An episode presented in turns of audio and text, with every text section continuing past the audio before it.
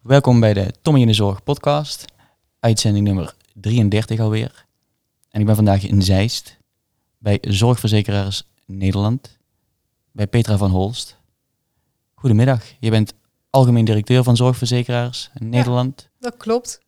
En eh, ja, ik vind het heel leuk om hier te zijn. Het is een heel leeg kantoor op dit moment, want ja, Ja. corona. Ja, Ehm, maar dan hoop ik nog wel een leuk gesprek te kunnen hebben hier. ja. Ja. Ik eh, begin altijd met mijn eerste vraag, of begin ik niet altijd mee, die stel ik wel altijd. Wat betekent zorg voor jou? Ja, dat is een mooie, mooie vraag. En allereerst, Tommy, ook super leuk dat jij hier bent. Want ik had wel podcasts gehoord en ik heb je ook wel eens op tv voorbij zien komen. En eh, eh, toen ik gisteren met eh, onze kinderen aan tafel zat, toen zei ik, oh, ik heb morgen opname voor een podcast van Tommy. En mijn dochter werkte er thuis en zei, Tommy, Tommy van die podcast, die verpleegkundige. Ik zei, ja, oh, zei ze, dat is hartstikke populair. Dus dat is een leuk compliment voor jou, dat er blijkbaar een breed eh, publiek is wat, eh, wat naar jou luistert. En eh, nou ja, als je mij hoort vertellen dat mijn dochter in de zorg werkt, dan kan je misschien een beetje bedenken dat dat ook een, in, in de genen misschien wel een beetje zit. Mhm. Ik ben van huis uit fysiotherapeut. Toen ik van de middelbare school eh, afkwam, eh, wist ik altijd al, eh, of eigenlijk al op de lagere school, wist ik wat ik wilde doen. Ik wilde in de zorg werken en ik wilde of verpleegkundige worden of fysiotherapeut. Ik kon niet zo goed kiezen. Mhm. En uiteindelijk heb ik gekozen om, om fysiotherapeut te worden. Vond ik een wat stoerder beroep op de een of andere manier. En wat ik ook leuk vond aan fysiotherapie is dat dat heel erg kijkt naar wat kan er wel. Mensen komen binnen met iets waar ze last van hebben, waardoor ze iets niet kunnen. En wat ik aan fysiotherapie heel mooi vond, is dat je kijkt, ja, maar wat kan er dan eigenlijk wel? En daar ga je dan met iemand aan werken. Mhm. En ehm, dat is denk ik ook wel een beetje de rode draad van mijn loopbaan. Dat ik eh, ja, elke keer op plekken waar ik gewerkt heb, toch ga kijken van oké, het lukt niet op deze manier, maar op welke andere manier kunnen we dan wel weer de stap voorwaarts eh, maken. Mhm. Dus eh, ja, en dat het is in de zorg denk ik ook echt heel erg belangrijk dat we met elkaar elke keer kijken van nou ja, wat, wat kan er wel? En mensen hebben soms beperkingen of belemmeringen door eh, ziekte. Ehm, ja, en dan lijkt het me altijd heel, eh, heel fijn als je met elkaar kunt kijken, maar waar ligt dan hè, de kwaliteit van leven en hoe kun je daaraan bijdragen? Mhm. In plaats van vanuit de beperking te denken van oh, dit kan ik niet. Mhm. Dus dat is denk ik wel een beetje de rode draad waarom ik de zorg in ben gegaan. En wat ik ook in mijn huidige werk wel eh, heel erg terugvind. Want je hebt ook een lange tijd als eh, fysiotherapeut gewerkt dan. Nou, niet een lange tijd, want toen ik van school afkwam, eh, toen was de werkgelegenheid echt heel slecht. Dat wist Mhm. ik ook wel toen ik aan de opleiding begon. Maar ik dacht, nou ja, weet je, vier jaar opleiding en dan ziet de wereld er weer anders uit. Dus ik zie het wel. Maar toen ik van de opleiding afkwam, was de werkgelegenheid echt heel slecht. En ja, ik wilde wel gewoon mijn brood verdienen. Dus ik ben uiteindelijk gaan werken eh, bij een arbeidsongeschiktheidsverzekeraar. Eh, die, die biedt inkomsten, zeg maar, of een uitkering als iemand arbeidsongeschikt raakt. En ook bij iemand die arbeidsongeschikt is, ga je heel erg kijken naar hoe kun je iemand dan wel weer aan het werk krijgen. En wat kan die niet, maar wat kan die ook juist weer wel. Mhm. En daar vroegen ze mensen met een paramedische achtergrond die juist daarop mee eh, konden denken. Dus het was eigenlijk een hele leuke kant van het beroep. En wat ik niet had bedacht dat dat er was, maar wat wel heel erg leuk was om te doen. Ja, en zo is mijn eh, carrière, loopbaan, eh, de kant van verzekeringen opgegaan. eh. Ja, Ja. ja. ja. wel, wel leuk. Ehm, eh, waarom ik hier zit is dan is via Twitter hebben we contact gehad. Daar heb ik iets op Twitter gezet en daar heeft Zorgverzekeraars Nederland op gereageerd. Ehm, en kwam eigenlijk wel een beetje uit dat, ik, eh, dat ik niet zo goed weet hoe het allemaal werkt met die zorgverzekeraars, maar heel veel andere mensen met mij ook niet. En daaruit kwam dan weer het idee om een podcast op te nemen. ja, En daarom zit ik nou ook hier. En ik kreeg al hier al meteen een boek naar mij toegeschoven van Zo werkt de zorgverzekering. ja, Ehm, want als ik het goed heb, de zorgverzekering is zeg maar in 2006 is die volgens mij veranderd. Eerst door het ziekenfonds, ja, daarna kwam, eh, kwamen de, de private zorgverzekeraars. Ja. En die kregen toen, eh, die moesten toen eh, alles gaan regelen. ja, Ehm, het is nou inmiddels 2020 en het werkt nog steeds op die manier. ja. Ehm, maar hoe, kun je daar iets over vertellen? Hoe het zeg maar eigenlijk is, waar- waarom zijn we überhaupt naar, vanaf het ziekenfonds naar zorgverzekeraars toegegaan? Ja, ja, dat is wel een leuke vraag. Want dat blijft ook eigenlijk wel een actuele vraag. Want je ziet ook juist nu weer in de politiek dat er eh, door een aantal partijen wel vraagtekens worden eh, gesteld bij het stelsel zoals we dat nu hebben onder de zorgverzekeringswet. En zo was het ook toen we het ziekenfonds hadden. En toen waren er ook allerlei vraagstukken waarbij zich op een gegeven moment toch eh, het beeld voordeed van ja, is de ziekenfondswet, is dat eigenlijk wel de goede manier om de zorg te organiseren. En ja, er zijn toen een aantal mensen geweest die hebben gedacht dat dat op een andere manier beter kon. En toen is de zorgverzekeringswet ontworpen. Uh, en een paar zaken die bij het ziekenfonds een rol speelden, was dat je daar uh, wel uh, grote verschillen had in ziekenfondsverzekerden en particulier verzekerden. Ziekenfondsverzekerden waren mensen tot een bepaalde inkomensgrens. En particulier verzekerden waren mensen die meer verdienden als die specifieke inkomensgrens. Dus je had daar wel verschil op basis van inkomsten. Mm -hmm. Nou, dat werd als niet heel erg gewenst ervaren, om maar even een voorbeeld te noemen. En we kampten toen ook wel met grote wachtlijsten, waar ook de uitdaging was van ja, hoe krijgen we die nu opgelost? En zo waren mhm. er wel wat meer zaken die aanleiding waren om na te denken van zou het beter kunnen? Toen is de zorgverzekeringswet ontworpen en is inderdaad, je zei dat al in 2006 in werking getreden en we zijn nu in 2020. En ja, ik denk bij ieder stelsel wat we hebben kan je natuurlijk vraagtekens zetten mhm. van werkt dat nou wel optimaal en zou het niet beter kunnen? En tegelijkertijd moet je denk ik realiseren dat als je kijkt hoe wij het in ons land hebben georganiseerd en wat de kwaliteit van zorg is die we in Nederland hebben, dat we daar op allerlei uh, internationale ranglijstjes gewoon heel hoog scoren. Dus mhm. eigenlijk hebben we het best wel heel goed met elkaar geregeld. Um, maar het is wel wat duur. niet wil zeggen, ja, maar wat is duur? Hè? Het wil ook niet zeggen dat het niet beter kan. Mm -hmm. ik denk, ik, maar het kost veel geld, ja. Ja, ik denk dat het, dat het best wel goed is. Want als ik nou hier iets krijg, word ik hier opgehaald uh, en geholpen. En maakt niet uit wat ik heb. Um, maar het wordt wel steeds heel veel duurder natuurlijk. Die, ja, nou ja, dat is in ieder geval ook de beleving dat het steeds duurder wordt. Maar je moet natuurlijk altijd de prijs wel afzet, afzetten tegen wat je ervoor krijgt. Hè. We mhm. hebben in Nederland een basispakket. Daarin zit eigenlijk uh, alle zorg die je normaal gesproken nodig zou hebben. Dan kan je worden opgenomen in een ziekenhuis en uh, je kan naar de huisarts. En dat soort zaken is gewoon in de zorgverzekeringswet ook geregeld. En het zit allemaal in het basispakket. Mm -hmm. En wat veel mensen niet weten is dat het basispakket de afgelopen jaren ook wel uitgebreid is. Hè. Mensen denken soms wel, dat hoor je wel eens van ja, dat basispakket is minder geworden. We zijn steeds meer gaan betalen. Maar dat is niet waar. Het basispakket wordt ieder jaar opnieuw bekeken. Dat doen overigens niet wij als zorgverzekeraars, maar daar hebben we het Zorginstituut voor, die daar een belangrijke rol in uh, speelt. Maar ieder jaar wordt er weer gekeken wat de ontwikkelingen zijn in de zorg en welke zaken in het basispakket opgenomen zouden uh, moeten worden. En dat basispakket, daar ben je dus voor verzekerd. Daar betaal je premie voor. En de premie betaal je aan je zorgverzekeraar. Iedereen is ook verplicht verzekerd. Dus je mm -hmm. moet verzekerd zijn en je betaalt daarvoor premie aan je zorgverzekeraar. En er is een deel van de premie is inkomensafhankelijk. En die twee dingen samen zorgen dat er een pot met geld is waar we de zorg van kunnen betalen. Um, en onze taak als zorgverzekeraars is om het premiegeld wat wij krijgen en wat we dus uh, moeten besteden aan zorg, uh, dat we dat zo besteden dat we voor de verzekerde zo goed mogelijk die zorg organiseren en inkopen, zodat mm -hmm. hè, als jij naar het ziekenhuis uh, moet, dat dat ook goed geregeld is en dat je kwalitatief goede zorg krijgt, maar dat die zorg ook toegankelijk is, hè, dat er geen belemmeringen zijn om er gebruik van te maken. En ook betaalbaarheid van de zorg is natuurlijk wel een belangrijke, want en je kan je voorstellen als je premie betaalt, hè, je hebt een pot met geld en die moet je zo goed mogelijk uh, moet je die verdelen. Mm -hmm. En we willen met elkaar ook niet dat die uh, premie elk jaar maar blijft stijgen, waardoor je steeds en steeds meer geld gaat betalen aan de zorg. Wat op een gegeven moment ook ten koste gaat van andere uitgaven die je ook uh, zou willen doen aan sport of andere dingen in je vrije tijd. Hè. Je kan allerlei voorbeelden daarbij bedenken. Dus de uitgaven aan zorg moeten ook wel in verhouding staan tot de andere dingen die je als persoon of als gezin uh, wil doen. Ja. Dus wij moeten wel bewaken dat we die pot met geld goed, uh, goed verdelen. Dat we daarover ook verantwoording af kunnen leggen aan de verzekerde wat we met dat geld gedaan hebben. En we moeten ook wel bewaken dat dat maar niet alsmaar blijft stijgen. Ja. Uh, want je moet er niet aan denken dat je, nou ik noem maar wat, hè, de helft van je salaris zou moeten betalen aan zorg. Dat, dat zou niemand denk ik uh, willen. Nee. En tegelijkertijd, dat is misschien wel aardig als dilemma, realiseer ik me ook van tijd tot tijd wel, maar en jij misschien ook wel, um, dat als jij zelf iets hebt, ja, dan wil je eigenlijk ook wel dat alles uit de kast wordt getrokken om jou beter te maken. Ja. En, en, en, een voorbeeld wat je natuurlijk veel hoort, uh, is uh, mensen die. Uh, uh, kanker hebben, daar is natuurlijk een enorme ontwikkeling in uh, medicijnen. Die medicijnen kosten veel geld. En dan kan je elke keer van afvragen van ja, hoeveel geld wil je daaraan besteden en wat voegt het toe aan de kwaliteit van leven. Maar als het jou overkomt en jij bent degene die een specifieke uh, vorm van kanker hebt waar een heel duur middel voor is, ja, ja. dan wil je eigenlijk gewoon dat, dat, dat je dat krijgt. Ja. dus het, je merkt dat er verschil zit als je premie betaalt en verder heel gezond en jong bent en weinig zorg gebruikt.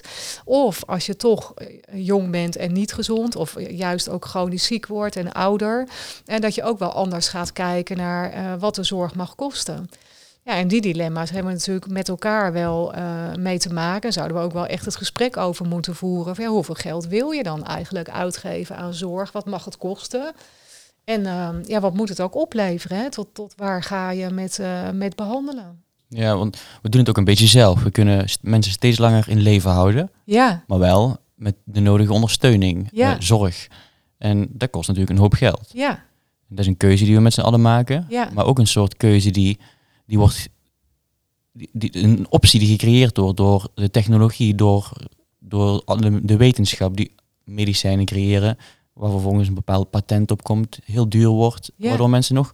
Snap je? Dus als, Ja. ik, als ik nou een, een ziekte krijg die heel erg is en ik weet, in Amerika hebben ze een pil voor mij, die is heel duur, dan ga ik klagen in Nederland dat ik die pil ook wil hebben natuurlijk. En Ja. dan vind ik het heel beetje oneerlijk dat zo'n pil zo duur is. Maar dat is denk ik een heel ander verhaal. Maar dat is wel heel naar, want we kunnen steeds meer, we creëren steeds meer. Ja. Iedereen wil blijven leven, maar ja, waar is de grens inderdaad? Ja, weet je, dat is, en dat is natuurlijk een heel lastig gesprek. En dat gesprek voer je op een andere manier als je zelf niet ziek bent, als dat je wel ziek bent. Eh, maar de vraag die we wel als maatschappij moeten beantwoorden is, ja, hoe ver wil je inderdaad gaan met al die nieuwe technologieën? En waar zeg je van, nou, we, we gaan het niet meer toepassen? Eh, dus je hoort ook wel vaak een discussie over wat een mensenleven dan waard, hè? als je dat überhaupt al in geld kan vatten. Want dat kan je eigenlijk natuurlijk helemaal niet. Nee. Maar als je het zou moeten doen, omdat je dit gesprek wil voeren van hoeveel mag dan een bepaalde behandeling kosten ten opzichte van ja, hoeveel maanden heb je dan langer te leven of zo, hè? Dan, dan heb je het over, toch over geld en de afweging. Ja, dat is wel waar we met elkaar als maatschappij naar moeten kijken. Van ja, wat, wat vinden we het waard en wat willen we daar nog aan betalen? En als je kijkt naar de zorguitgaven in totaal, ja, die worden wel omhoog gestuurd, juist door al die nieuwe technologieën Ja. en die nieuwe medicijnen. En vroeger hadden we alleen röntgenfoto's en nu eh, hebben we een MRI en een CT-scan en hè, wat, wat allemaal nog meer. Ja, ja. En eh kom ik eigenlijk op mijn volgende vraag. Van wie, wie bepaalt nou wat? Het is vaak, eh, we hebben de overheid natuurlijk die, die het een en het ander bepaalt. De zorgverzekeraars die eh, bepalen een hoop ehm, qua centjes. Hoeveel eh, er vergoed wordt en wat er precies vergoed wordt. Dan heb je ook nog de zorginstellingen die met de centjes omgaan. Ehm, wie, wie is nou zeg maar, welke club heeft nou het meeste voor het zeggen in Nederland op het gebied van zorg? En hoe wij die zorg regelen met elkaar? Ja, dat is wel, wel een goede vraag. Kijk, eh, wat er in het basispakket komt, hè, dus wat er vergoed wordt, dat bepalen wij niet. Dat bepalen niet de zorgverzekeraars. Maar wij voeren vervolgens wel uit wat er in het basispakket is opgenomen. Dus in het basispakket is opgenomen dat jij naar het ziekenhuis kan en daar geopereerd kan worden. En wat wij als zorgverzekeraars doen, is dan met de ziekenhuizen afspraken maken over wat wij vergoeden voor zo'n ziekenhuisopname.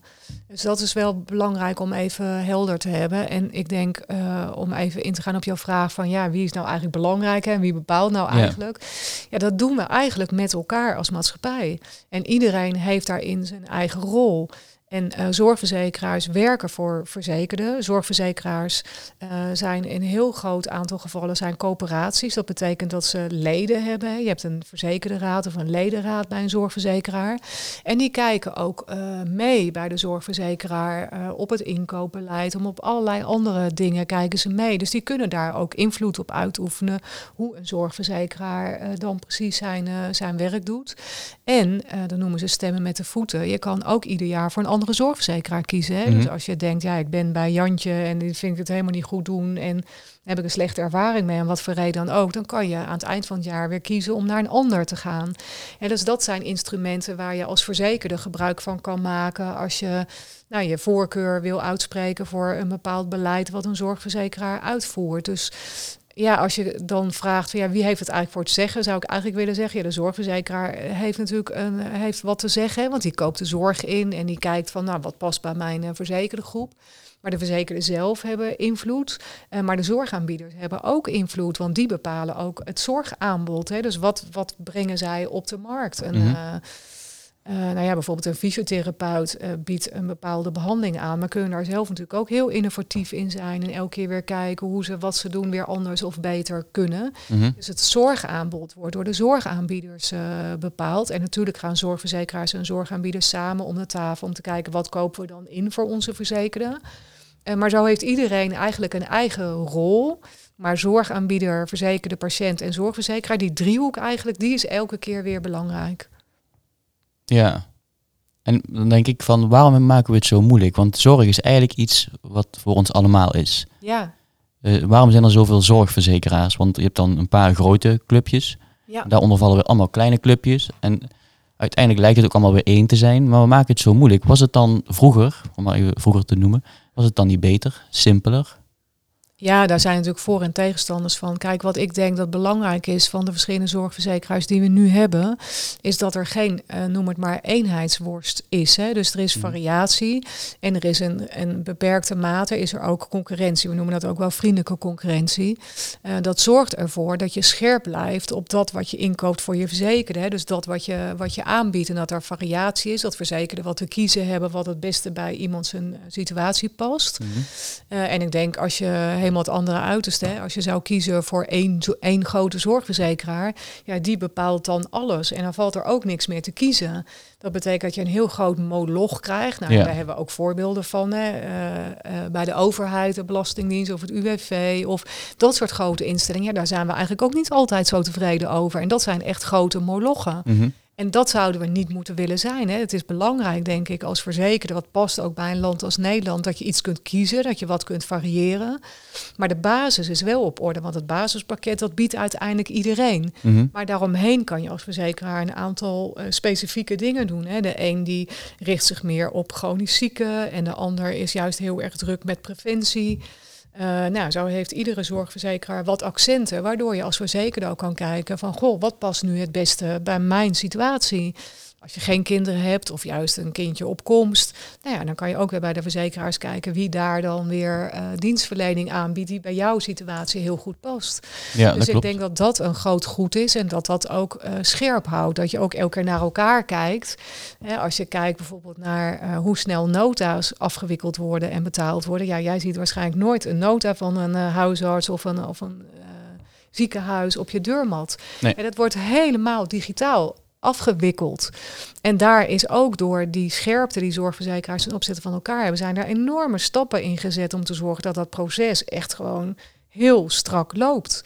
Mhm. Mm -hmm. um, nou, zo zijn er nog wel wat voorbeelden te noemen waardoor je uh, zou kunnen zeggen, ja, het is wel goed dat er wat verschillen zijn en dat er wat te kiezen is.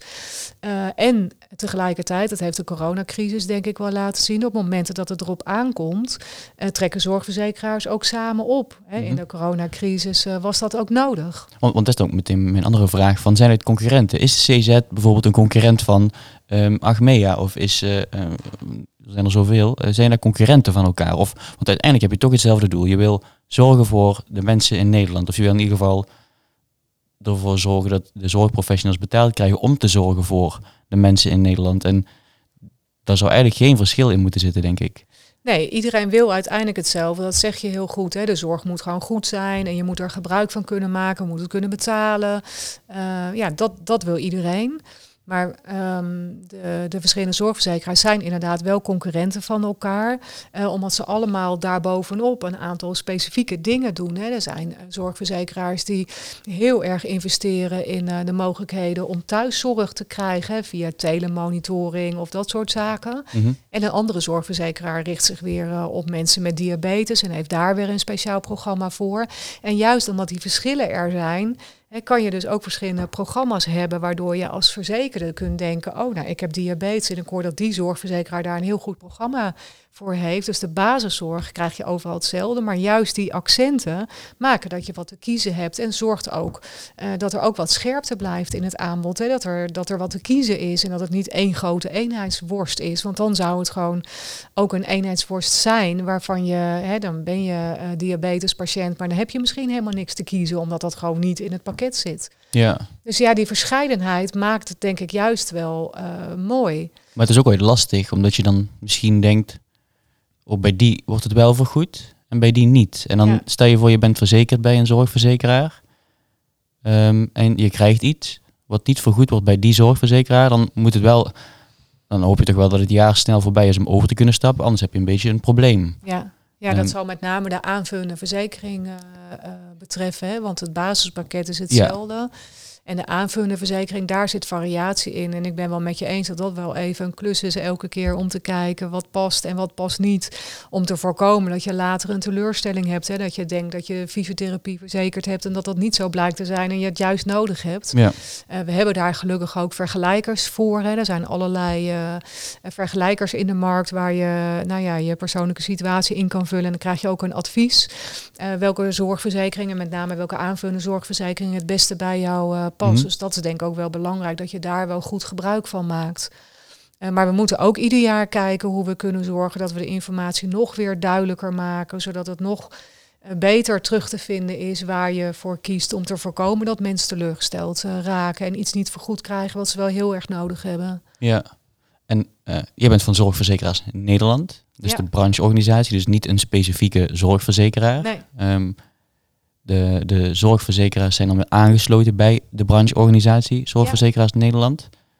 Um, hoe, hoe, wat is dan de rol van zorgverzekeraars in Nederland? Is het dan meer de bemiddeling tussen die zorgverzekeraars of juist van elkaar leren of meer samenwerken? Hoe, hoe moet ik dat zien? Nou, veel verschillende dingen eigenlijk. Onze belangrijkste opdracht is uh, om uh, de standpunten die de zorgverzekeraars met elkaar hebben, om die uit te dragen. Bijvoorbeeld uh, naar de overheid of de gesprekken met de Nederlandse zorgautoriteit. He, zo zijn er allerlei andere organisaties waar we mee te maken hebben, waar wij de belangen vertegenwoordigen van al die zorgverzekeraars. En want je hebt natuurlijk heel veel gemeenschappelijk, omdat we allemaal dat basispakket uitvoeren vanuit de zorgverzekeringswet. Dus daar zitten heel veel gemeenschappelijke dingen in waar we met elkaar ook aan werken. Bijvoorbeeld uh, welke betaaltitels moeten er zijn om de zorg te kunnen betalen. Uh, op het gebied van kwaliteit trekken we ook wel samen op om te kijken wat is dan kwaliteit en hoe uh, meten we dat en hoe kunnen we zorgen dat we daar de goede dingen mee doen. En nu in het kader van corona um, zijn we ook als brancheorganisatie heel betrokken geweest om te kijken ja, welke financiële regelingen hebben de ziekenhuizen bijvoorbeeld nodig om deze ja. coronacrisis te doorstaan. Dus wij werken heel erg vanuit de gemeenschappelijke belangen die de zorgverzekeraars met elkaar hebben. En uh, omdat je allemaal verschillende zorgverzekeraars hebt, zijn er natuurlijk ook gewoon de individuele belangen van de zorgverzekeraars zelf, waar ze ook vooral zelf allerlei dingen uh, in doen. Dus daar, daar ligt het verschil, zeg maar. Wij doen alleen de gemeenschappelijke belangen die wij, uh, die wij behartigen. Mm -hmm. Daar zetten we ons voor in. Ja. Ja, ik vind de, de zorg vind ik een hele grote chaotische sector. Vind je dat ja? zelf niet? Ik vind het, er zijn uh, zoveel, er zijn zoveel clubs en de zorgautoriteit en dan de inspectie en dan weer ja, de zorgverzekeraars en dan, terwijl ik denk zorg aan zich is best simpel. Mensen helpen, toch?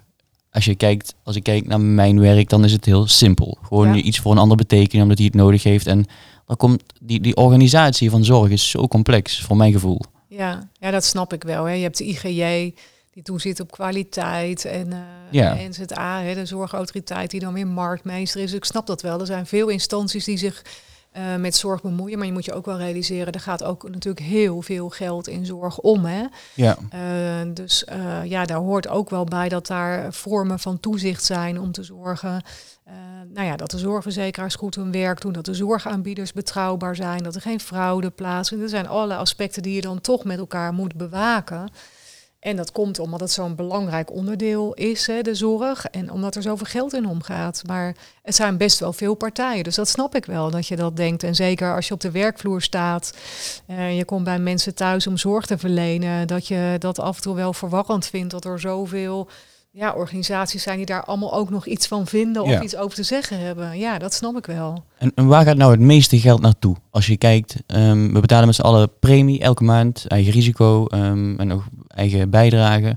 Wa- wa- Waar gaat nou het meeste geld van ons naartoe? Wat kost ons nou zoveel geld? Kun je daar eh, iets over aangeven? Wat nou het duurste is in onze zorg? Nou ja, ziekenhuiszorg, hè, dat neemt natuurlijk het grootste deel eh, Mhm. eh, in van het geld wat we, wat we uitgeven.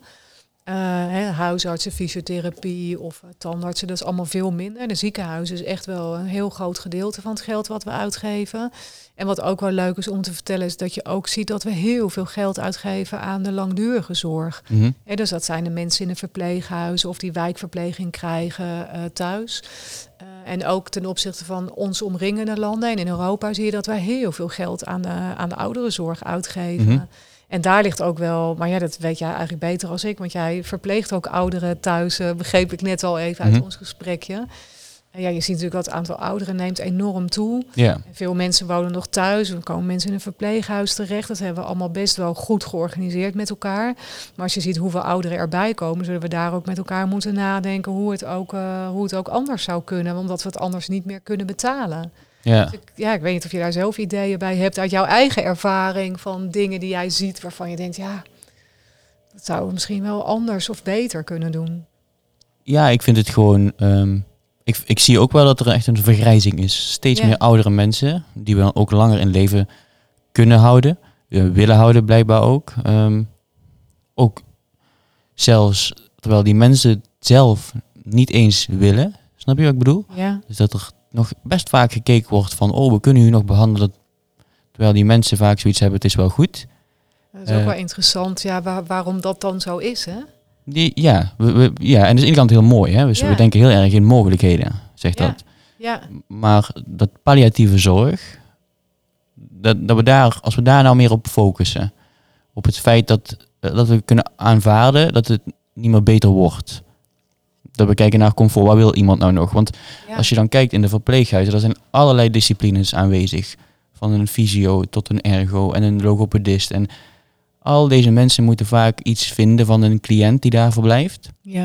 Dat vind ik best gek. Want hebben die mensen daar nog echt iets aan? Heeft iemand van 83 nog heel veel aan een diëtist? En respect voor alle diëtisten natuurlijk. Hè? ja, Ik vind Ja. super mooi werk. Maar kijk naar die doelgroep. Hebben die daar nog iets aan? ja, Ehm, en daar maakt het natuurlijk ook wel heel erg duur. Dat, ja. dat, al- dat er een bepaalde eis is, denk ik, van een, een zorginstituut ergens. Die vindt dat er alle behandelaren moeten zijn voor iemand die zorg ontvangt in een verpleeghuis. Terwijl heeft die persoon daar zelf nog iets aan? Het heeft ook iets te maken, denk ik wel, met eh, acceptatie van het ouder worden. Hè? Accepteer je dan, dat zei ik ook eigenlijk een beetje in mijn inleiding, hè? kijken naar wat er nog wel kan, ondanks dat je beperkingen of belemmeringen hebt. Mhm. En je niet per se richt op het opheffen van die beperking of belemmering op zichzelf door medicijnen of door, nou ja, inderdaad een diëtist of wat dan ook. Hè? Maar veel meer kijken wat, wat, wat is er dan nog mogelijk binnen wat er wel kan. En eh, misschien niet al te veel eh, ingrepen doen, zeg maar. Eh, en niet te veel uit de kast halen om het oneindig te rekken. Maar dat, zijn natuurlijk Ja. wel, ja, dat is natuurlijk wel een ingewikkeld gesprek. Want die grenzen liggen natuurlijk voor iedereen anders. Waar de een nog alles wil, is de ander misschien al wel zover om te zeggen... Ja, ik ben er eigenlijk wel, ik ben er eigenlijk wel klaar mee. Dus dat, ja, dat is wel een discussie, denk ik ook, die we als maatschappij moeten voeren. En als je ook kijkt naar de kosten van de langdurige zorg... dan denk ik ook wel... eh, ja, wanneer voer je eigenlijk het gesprek met jezelf of met, met je kinderen of eh, met je man of vrouw eh, van goh, waar wil ik oud worden? En ik denk heel vaak dat we dat gesprek niet voeren en dan valt er iemand van de trap van 80 en dan blijkt in één keer acuut dat je dus niet meer thuis kan wonen omdat Mhm. je nou eenmaal die trap in huis hebt en de douche boven is.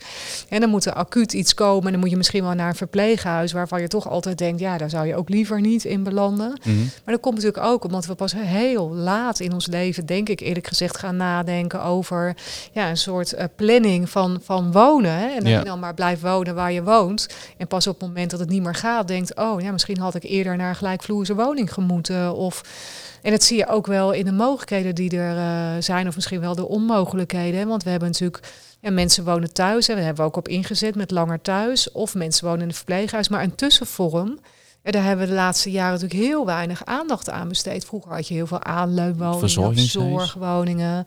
Hè? Het verzorgingshuis bijvoorbeeld, vond ik wel een beetje Ja. een tussenvorm. Ja. En die, die is eigenlijk eh, een soort van weg. Ja, Geëxtramuraliseerd, om, om het maar zo te noemen. ja, Dat is eigenlijk heel jammer, want veel oude mensen hadden daar toch heel veel baat bij. ja. En, ehm, En eigenlijk zou je dat opnieuw uit moeten vinden. En er is zo'n mooi voorbeeld ergens in het land van de Knarrenhof, heeft, heet dat geloof ik. Hè? Dat zijn dan woningen waar ouderen dan in een hofje bij elkaar eh, wonen, maar wel gewoon een eigen woning hebben.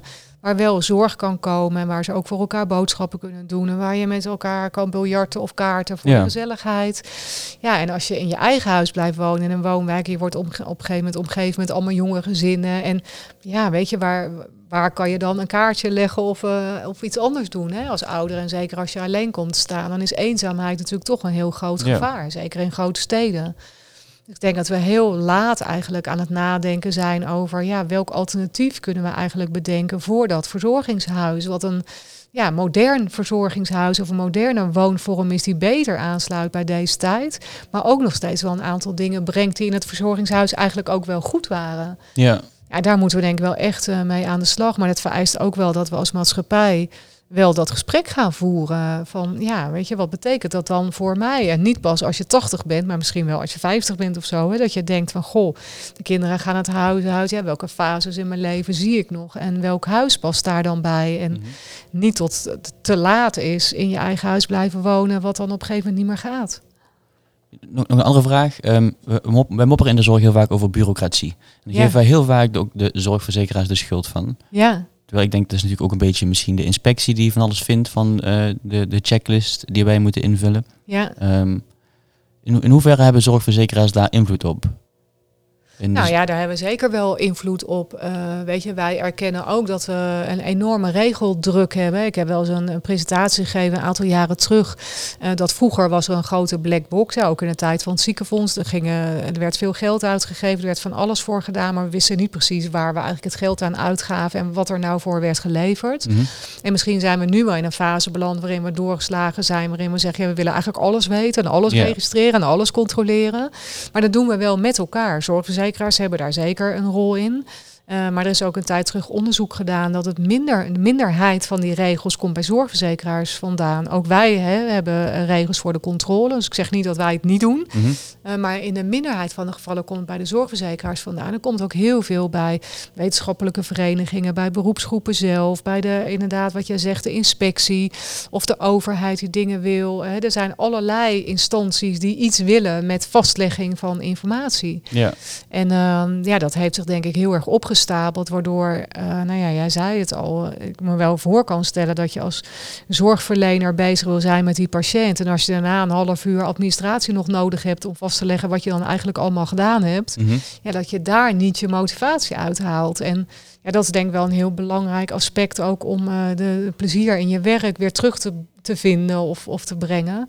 En dat je gaat kijken hoe we daar met elkaar ook echt wel weer terug kunnen naar een registratielast die acceptabel is. Ja, en dat, en dat wij zorgverleners ook het gevoel hebben dat we bepaalde vrijheid hebben. Nu is het zo, als je in de wijkzorg werkt, op heel veel plekken, die vijf minuten registratie, die zou eigenlijk dit, begin dit jaar afgeschaft worden. Ja.